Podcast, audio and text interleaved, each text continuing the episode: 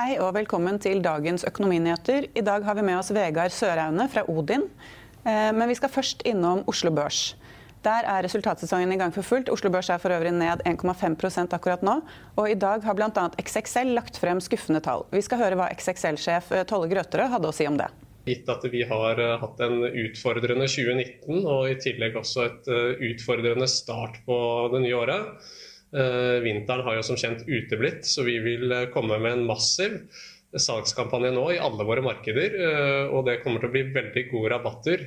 utover det så kan jeg ikke si noe tall på det, men det blir veldig gode priser. Hvilke typer produkter er det dere skal dumpe prisen på? Ja, I utgangspunktet så er det mye vinterrelaterte produkter. Det er jo selvfølgelig sånn at vi har hatt et Eh, svakt salg av både ski og vinterrelaterte produkter. Eh, fortalte jo på presentasjonen i dag om at eh, salget av skiutstyr i XXL er ned 95 millioner år over år. Så det er muligheter til å skaffe seg både gode skiutstyr og, og selvfølgelig vinterrelatert bekledning og sko osv. Så, videre. så varehusene bugner av gode tilbud for vinteren. Dere, skal, dere har mål om å få ned varelageret per butikk til 25 millioner kroner. Er det realistisk? Ja, det tror vi er veldig realistisk. Vi har begynt å jobbe med mange tiltak for å få lageret ytterligere ned. Vi ser at eh, når vi nedskalerer butikkene våre noe, og så tar ned noe av varetrykket i butikkene, så bærer de faktisk i dag nærmere 25 millioner per butikk. Og vi har også andre konkrete tiltak for å få lageret ned. Blant Bl.a. å og være bedre på forecasting og ikke minst uh, innkjøpene våre. Så, så, det tror vi er realistisk. A lot can happen in three years, like a chatbot may be your new best friend. But what won't change? Needing health insurance. United Healthcare Tri Term Medical Plans, underwritten by Golden Rule Insurance Company, offer flexible, budget friendly coverage that lasts nearly three years in some states. Learn more at uh1.com. It's that time of the year. Your vacation is coming up. You can already hear the beach waves, feel the warm breeze, relax, and think about work. You really, really want it all to work out while you're away. Monday.com gives you and the team that peace of mind. When all work is on one platform and everyone's in sync, things just flow wherever you are. Tap the banner to go to Monday.com.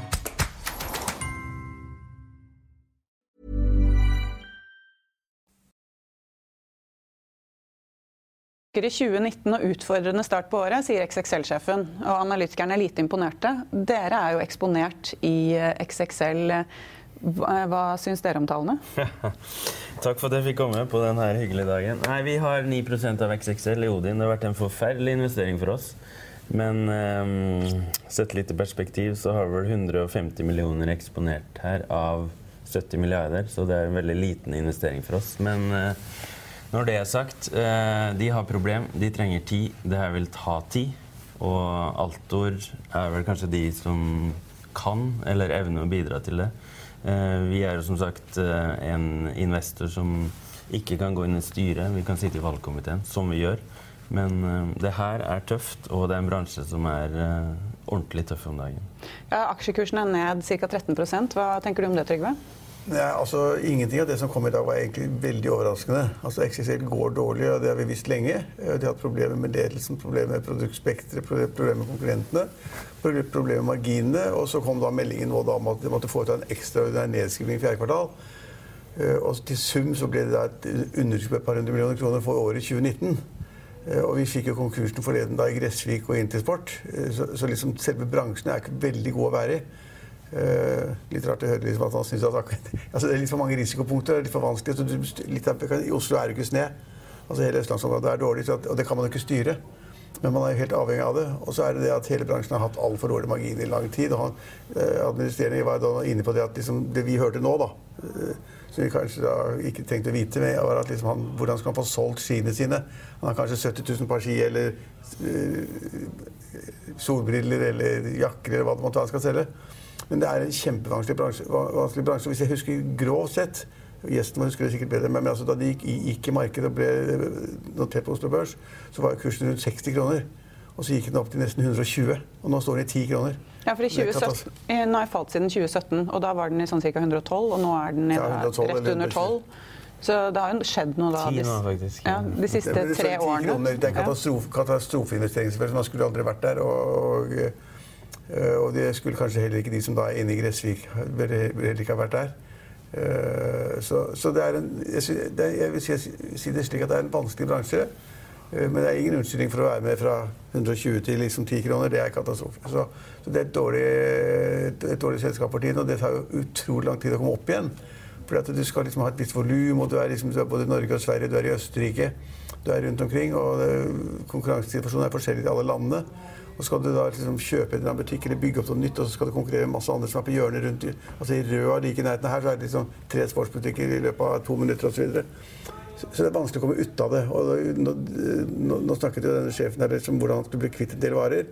Andre snakker om hvordan han skal bli kvitt 70 000 par ski fra Gressvik Intersport eller noe sånt. ikke sant? Eller skal de gamle eierne overta det etter at de har kvittet seg med kontrakter og fått bedre husleiekontrakter eller redusert lagrene? Og nå var jo da XXL også, da, slik jeg forsto, i nærheten av eller ville komme til å da, se det at de var i, i, i, i brudd med lånebetingelsene sine. Det er liksom det verste du kan gjøre. Og så Neste fase er da at de kommer til å spørre da eierne og andre om å komme med mer kapital, for de har ikke driftskapital. Marginene forsvinner. De har ikke driftskapital. Eh, Så da må de ut i markedet hente mer penger. Og Til hvilke priser blir det? Skal det liksom på 10 kroner eller 7 kroner eller 6 kroner? Eh, Altså Det er en kjempevanskelig case. Jeg sier ikke det er håpløst. Vanskelig, og det er en veldig illustrerende aksje på dagens børs. Men det er vel egentlig den eh, frykten for en emisjon som driver prisene ned i dag? Eller kursen ned i dag? Ja, det er det nok. Fordi det som Trygve sier, at det var ganske venta at varelageret skulle skrives ned, og at tallene var dårlige. De har jo vært ute med en profit warning i starten av januar, så vi er ikke overraska over det. Eh, Men eh, spekulasjonen rundt om de trenger mer penger, er jo absolutt der. Og det er godt mulig. Eh, Den vinteren som er her nå, den hjelper ikke på. Så her er det mye endring som skal gjøres. Det må bygges en ny kultur fra scratch. Pål kommer inn og skal prøve å gjøre det. Og de må finne den gode, gamle XXL-spiriten, tror jeg. Og det tar tid. Men hva er det for noe med sportsbransjen, egentlig? Siden alt går så dårlig? Nei, men det, det som jeg var inne på i sted, altså det er jo det er en interessant bransje fordi det, det er veldig nære for forbrukerne. Alle skal enten ha skiutstyr sykkelutstyr eller, eller, eller briller eller eh, lue til ungene sine, til kona si, til mannen. Ikke sant? Alle skal være inne i en sportsbutikk før eller siden. Og så er det altfor mange operatører. Og Gressvik levde jo helt siden jeg tror om de ble etablert i 1910 eller 20, men det er iallfall lenge siden de ble etablert. Og levde, levde godt i mange år. Og så var det sånn generasjonsskifte, og så overtok liksom sønnen der. Og så gikk ikke det så bra. Og, og, eh, så, så problemet er at marginene er små. Det er en kjempetøff konkurranse. Så trodde da noen da de startet Excel, så trodde jeg liksom at de mente at eh, de ble så store, så stort volum, og de ville bli så store fordi de kunne gå inn i Østerrike eller Tyskland eller andre land.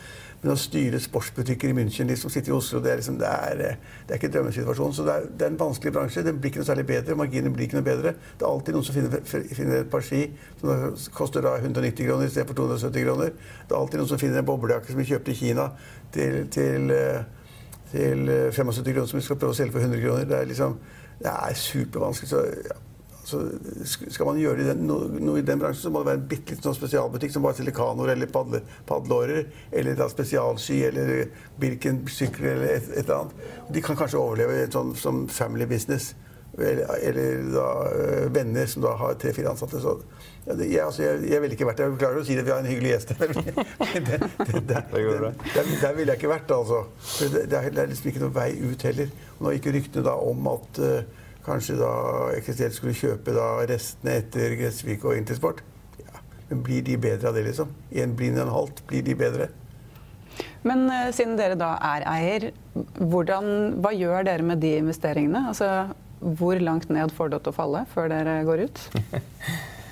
Ja, men vi, si, vi, vi tenker litt som eh, private equity på børs. Vi vil være med på en femårsreise. For, eller vi vil eksponere kundene våre for en femårsreise.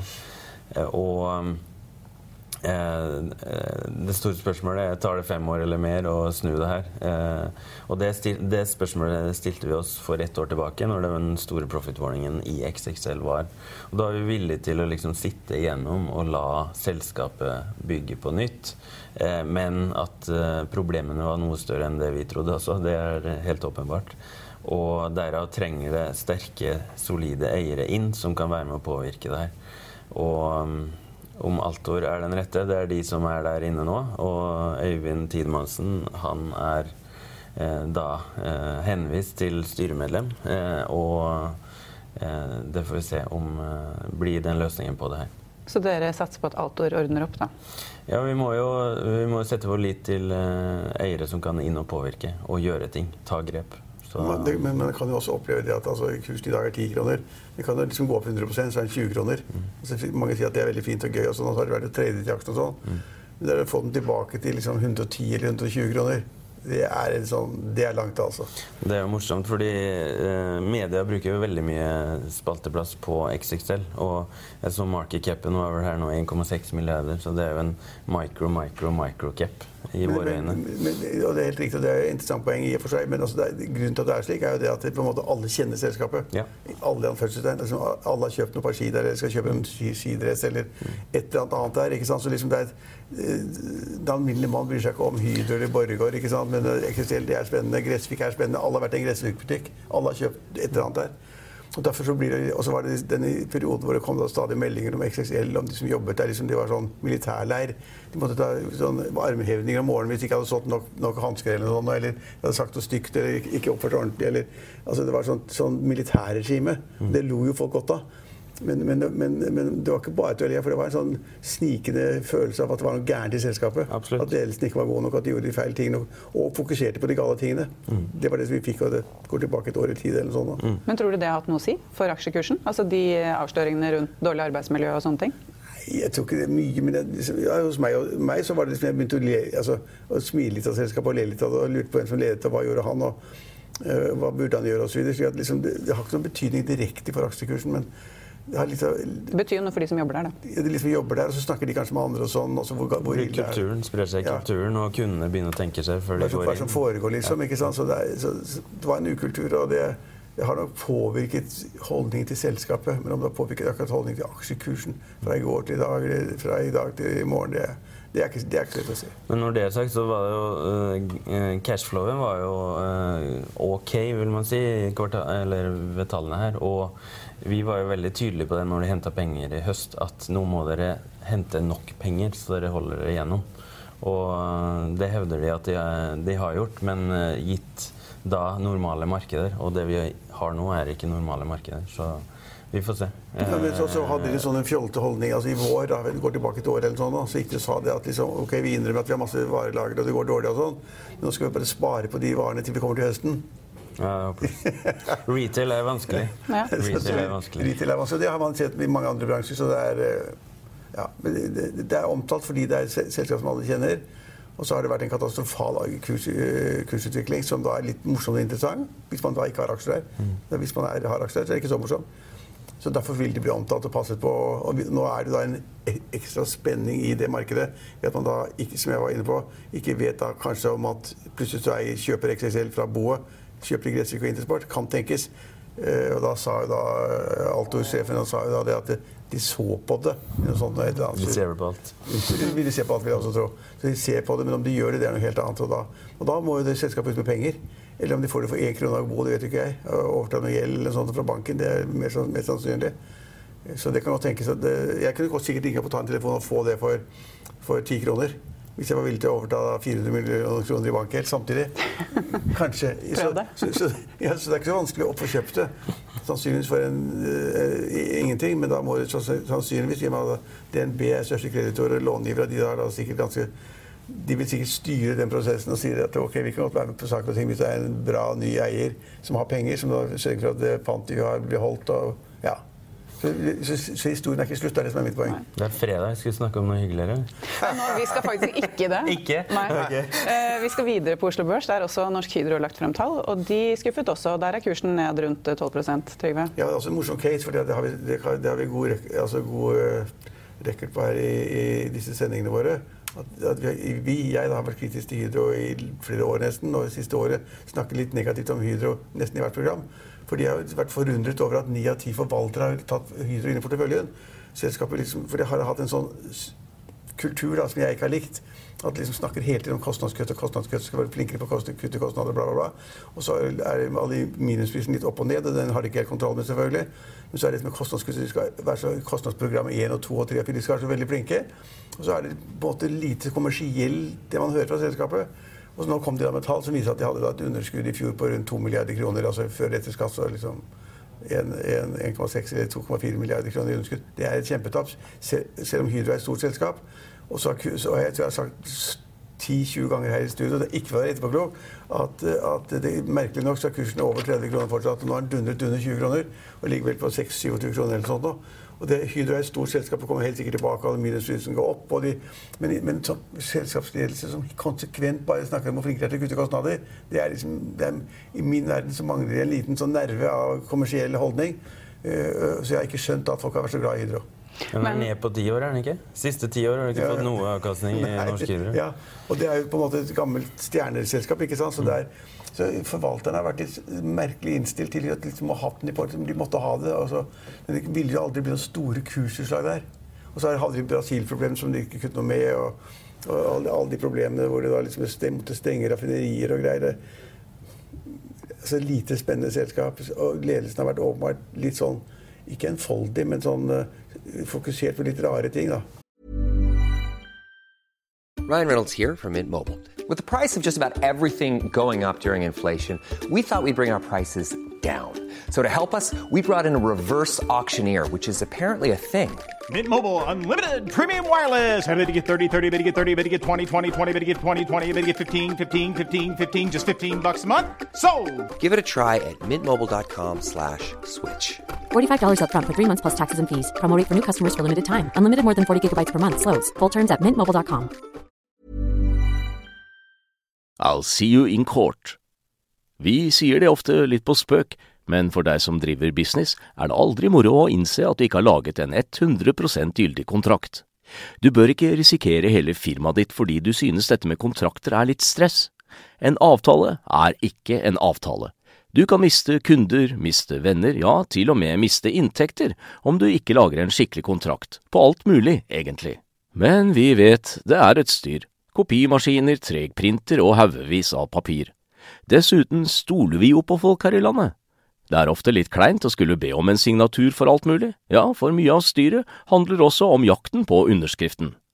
Det finnes en enkel måte å løse dette på, Dukkobit, en trygg, effektiv og get this, gratis måte å sikre seg en god natts søvn pluss en juridisk bindende avtale.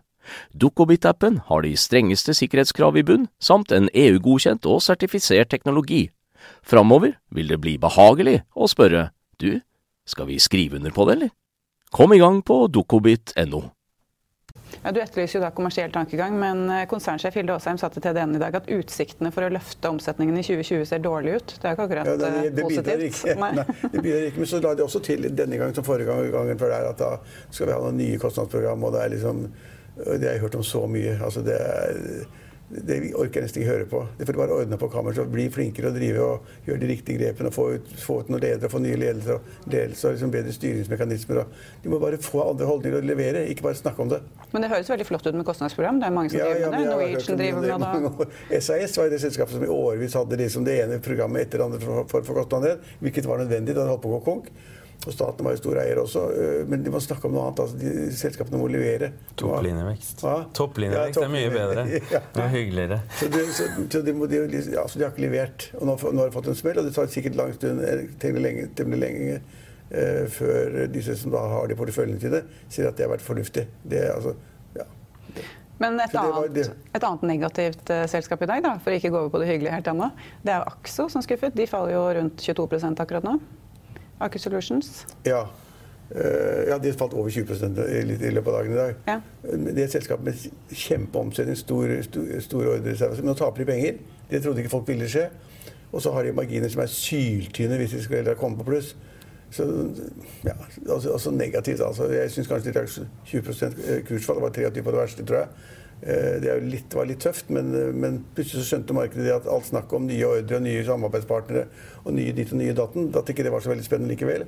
Og Hvis man ser da på den ordrebeholdningen de har, og de, de underskudd de har, sånn, så, så, skjønner man at de marginene de har, er ingenting.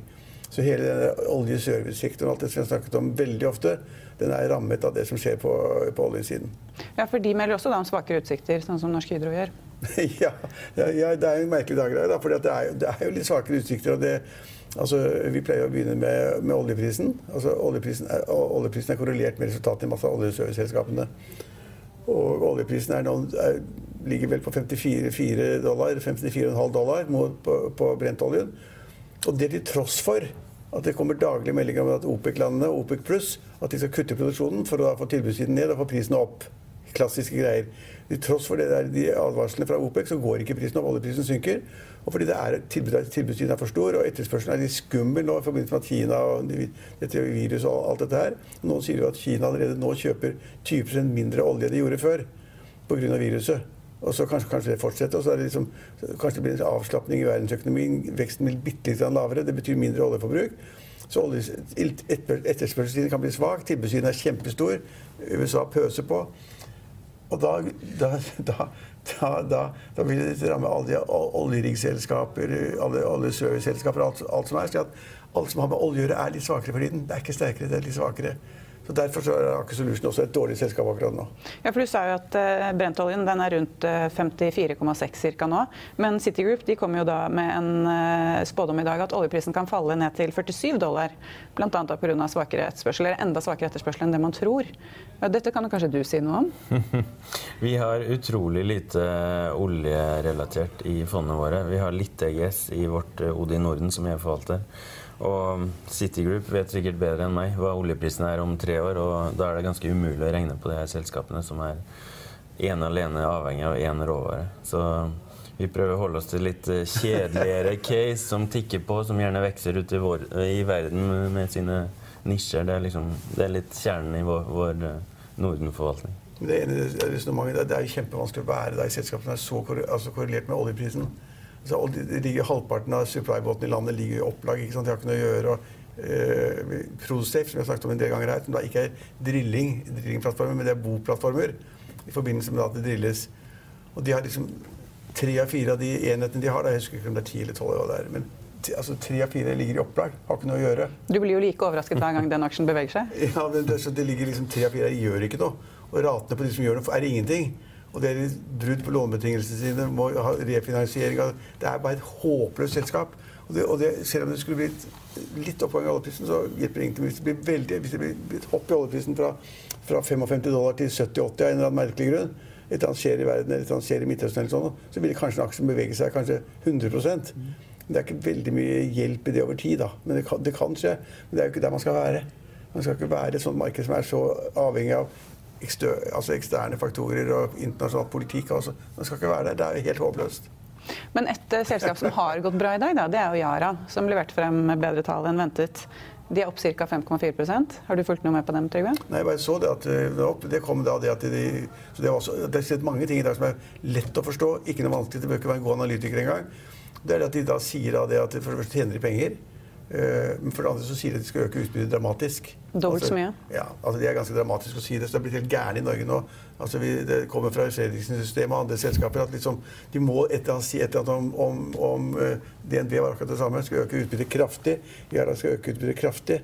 Og da får du en direkteavkastning på den aksjen som da er så høy at da er det bedre å ha de pengene da i Yara enn å ha de i DNB som innskudd.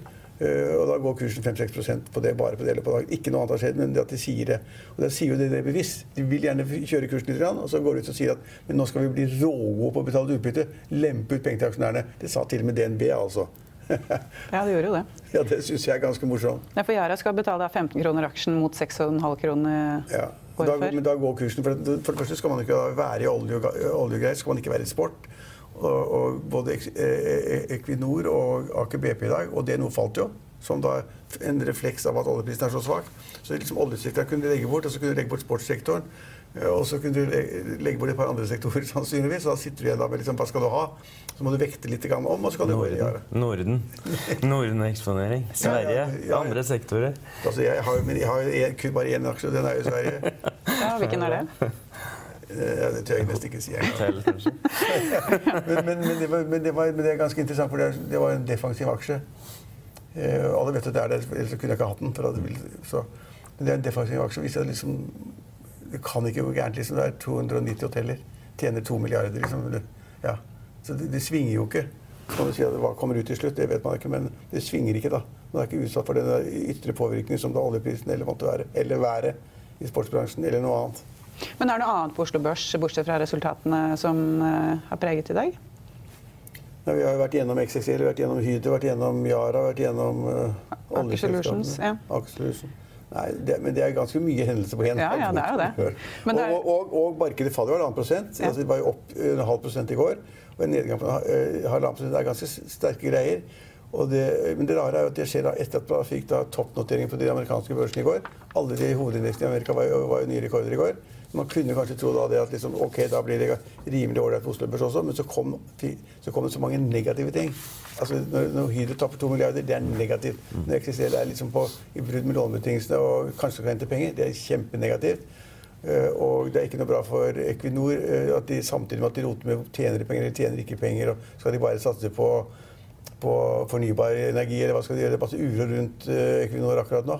Analytikerne var vel ikke helt fornøyde med den? Nei, det var ikke, fornøyd med presentasjonen. Jeg synes, Unnskyld, jeg syns det var masse negative ting som kom i går og i dag. og Derfor blir det mye negativt, og derfor faller også kursene. Men uh, Oslo Børs har jo da falt. Uh, den er ned rundt 1,5 i dag. Uh, den siste måneden ned ca. 1,6 Da er det kanskje naturlig å gå over til deg, da, som er mer eksponert mot den svenske børsen. Den har jo da steget 30% i fjor, rundt 2,5 ca. den siste måneden. Mm. Hvorfor går det så bra der og så dårlig her? Samme i dag så er vel Stockholm ned 0,4 siste jeg så her før vi gikk inn her. Men Nei, men eh, jeg tror det er mye tilbake til det Trygve snakker om. Det er andre sektorer der. Det er mye industri, verkstad-relatert som eh, Og hva er det som skjer ute i verden? Jo, den her eh, svekkelsen i makro vi så globalt i fjor, den er i ferd med å snu, faktisk, til det bedre. Fordi stimulansene fra sentralbankene er i ferd med å virke inn i økonomiene. Og um, da stopper selv ikke et koronavirus den svenske Stockholmsbørsen. Det er faktisk risk on, syklisk, ser bra ut. Og Stockholmsbørsen har mye syklisk, men global sykkel kontra da oljeservice eller oljerelatert sykkel. Så derfor tror jeg det går. Mm. Men hva med den finske børsen? Du er jo eksponert der også? Ja, eh, vårt Odin Norden har jo da det er litt morsomt. Det er jo bare 10% i, eh, i Norge. og det er egentlig også Den nordiske indeksen er 10% i Norge. 50% er Sverige, 25% Danmark og resten Finland. Og den finske børsen har jo i, til forskjell fra både Norge og Sverige litt andre typer sektorer. Der er det mye skog, eh, papirbaserte eh, ting, som, eh, som eh, styrer og driver den eh, børsen.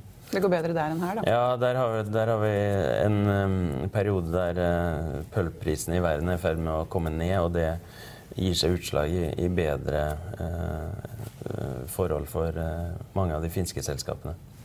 Ja, det er interessant at, som du sa, Linn Maria, at de svenske børsene var jo opp 30 i fjor. Oslo Børs var opp 16,5 eller noe sånt. nå. Ja. Vi syns jo de 16,5 var kjempebra i Norge, selvfølgelig. Mm. Og, og 30 er jo veldig, veldig, veldig bra.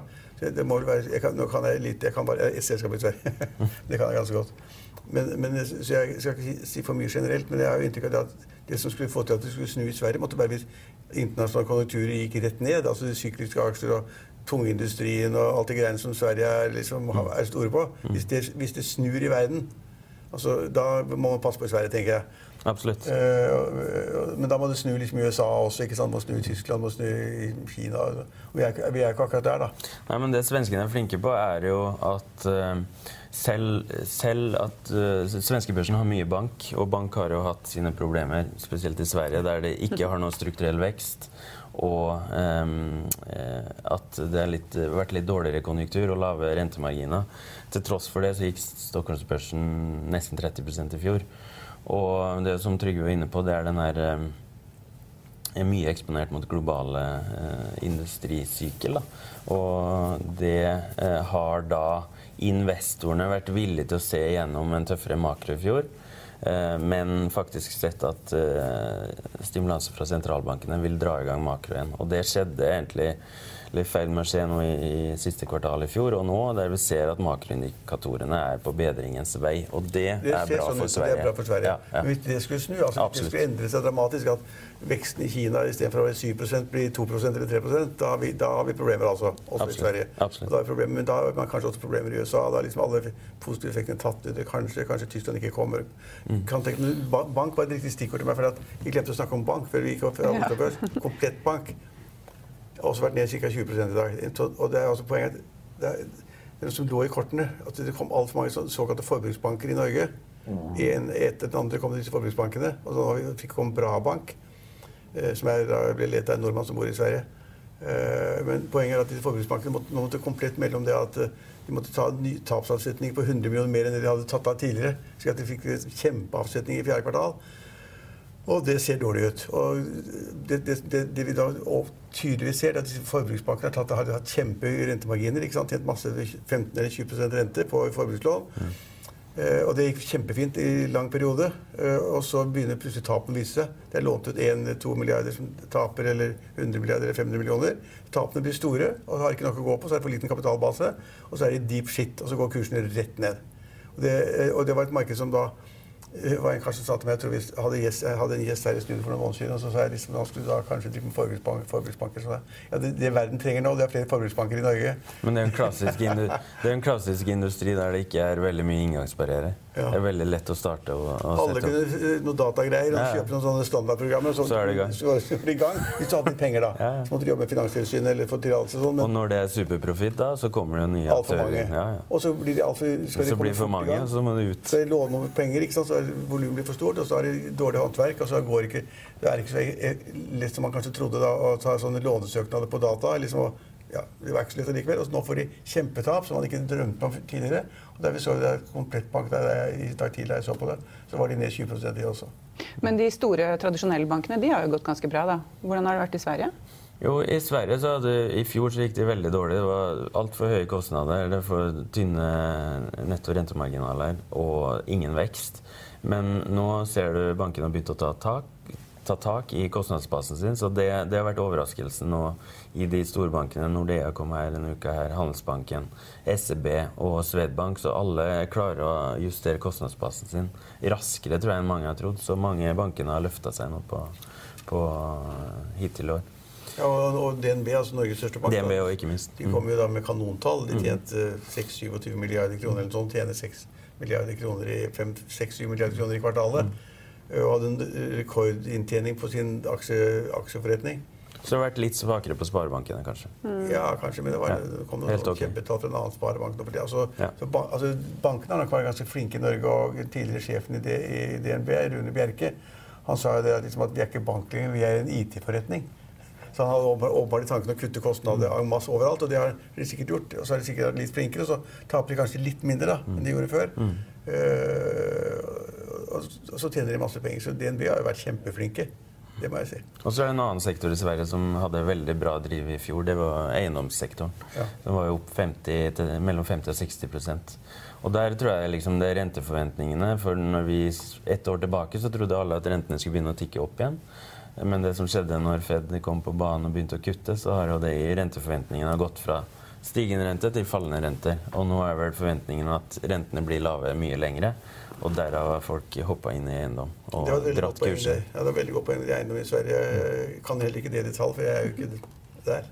Men, men, det vi har sett, er at i Norge så har vi kanskje tre eller fire eiendomsselskaper. Mm. I Sverige så har du Mange. 30, 40, 40 50. 20, 30, 40 eller sånn. Ja. Så det har vært et kjempemarked hvor folk kunne være inne og plassere pengene. Mm. Mens i Norge så er de, som, de to-tre selskapene de er, de er, så store det er ingen som aner hva de driver med engang. Og det er jo det mest populære fondet hos oss om dagen, er Odin Eiendom. Okay, ja. eh, masse ny kapital inn i fondet, og fondet var vel opp eh, 60% i fjor. Mm. Men hvis, eh, siden vi nå da snakker om eiendom, mm. går bra, bank ikke så bra, hvilke aksjer er det du tenker at man burde eie i Sverige de neste årene?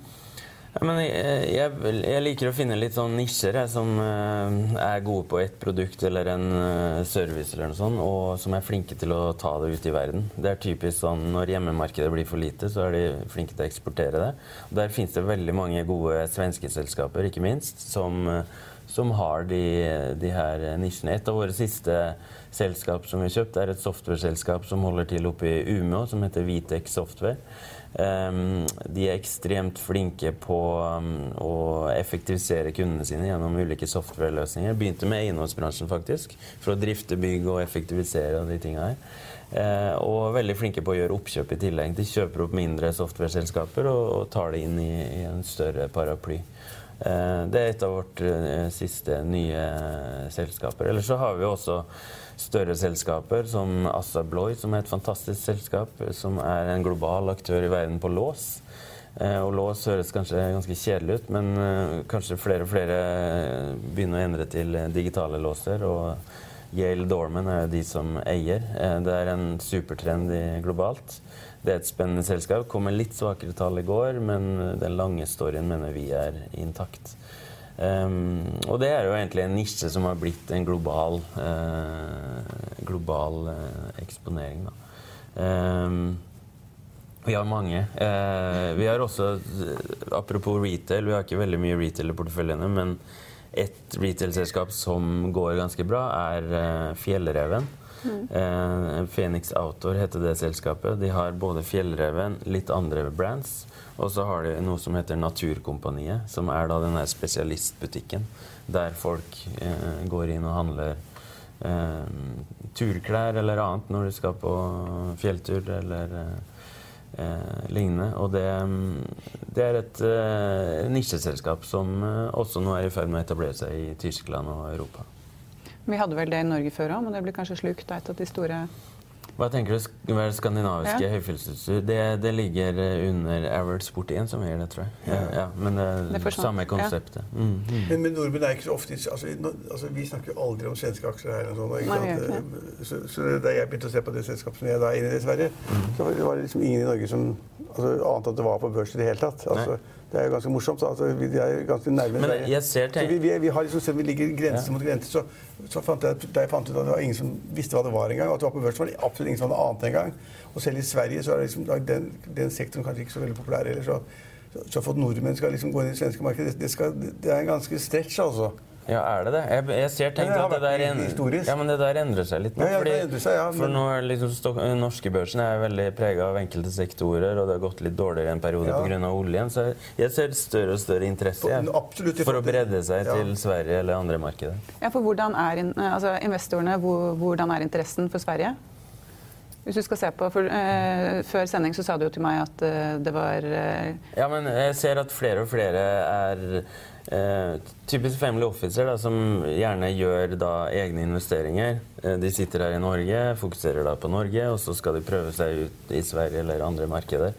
Men eh, Og så gjør de det noen år, og så funker det ikke helt. Og så kan de komme til oss da, og vurdere å investere i våre fond. Eh, vi har fokus på ikke bare de store selskapene i Sverige, men alt fra store til mellomstore til små selskaper. Og har gjort det i mange år. Vårt Sverigefond ble 25 år i fjor. Og hadde du vært med fra start, så hadde du fått 18% per år i 25 år. Og det er en fin reise. Det er en fin reise, Da slipper man å jobbe, da. Ja. Men hva bør man ikke eie i Sverige? Jeg er fortsatt skeptisk til bankene. For nå ser det ut som bankene er et kostnadscase. Og greit, det kan være et case som varer en liten periode. Eh, og valuation kan være ganske lav, men eh, vi kommer ikke unna at de er strukturelt under press fra nye, nye businessmuligheter som, som, kan ta en del av den her superprofitten som bankene har innen eh, bo, bolånemarginaler. Da, eller jeg blir litt svorsk her, men eh, utlån. Og, mm, så, så det, det, det, er et Kanskje en utfordrende sektor på lang sikt. Da. Ellers så er jo retail, som vi snakka om, det er utfordrende. Det er sterk konkurranse fra nye eh, oppstartsselskaper som ikke har masse butikker å dra på på balansen. Ja, Det er ikke børsnotert, men det er akkurat det, du har et godt poeng på det retail. Altså Plantasjen i Norge mm. er i Sverige òg. Ja, Plantasjen er i Sverige. De eies av den svenske Ratos, Ja, som er ja, ja, nettopp. Ja. Og det ganske er at liksom, det var en suksesshistorie av flinke folk oppe i Kongsvinger-området som lagde det selskapet, og så tjente de penger. Og så solgte de det til, til svensker. da. Eh, og da tapp, plutselig kom tallene ut, og de tapte 200 millioner i fjor. Og da skal de kutte ned og si opp masse færre butikker. og sånn. Ja, det blir det. Så det, altså, det er et eller annet som er problem, problem, problemat med retail. Altså, du, liksom, du tror du har en sikker bransje med gode marginer. Alle kommer dit, kjører dit og kjøper Spar og uh, trillebår og blomster eller hva det måtte være. Og så plutselig så får de samme blomster og trillebårene på en andre type butikker. Eller, eh, ikke vet jeg, men plutselig så er liksom markedet borte. Så melder de plutselig da den suksessbedriften melder at vi tapte 200 millioner i fjor. Det er krise. Vi skal legge ned masse butikker. Men da får vi bare se da om eh, norske investorer begynner å bli lei av eh, fallende oljepris og så skal man si, svakere utvikling på Oslo Børs, om de da ser til Sverige. Eh, takk til gjesten vår. Og da runder vi av dagens sending, men vi ses igjen på mandag klokken halv fire. God helg.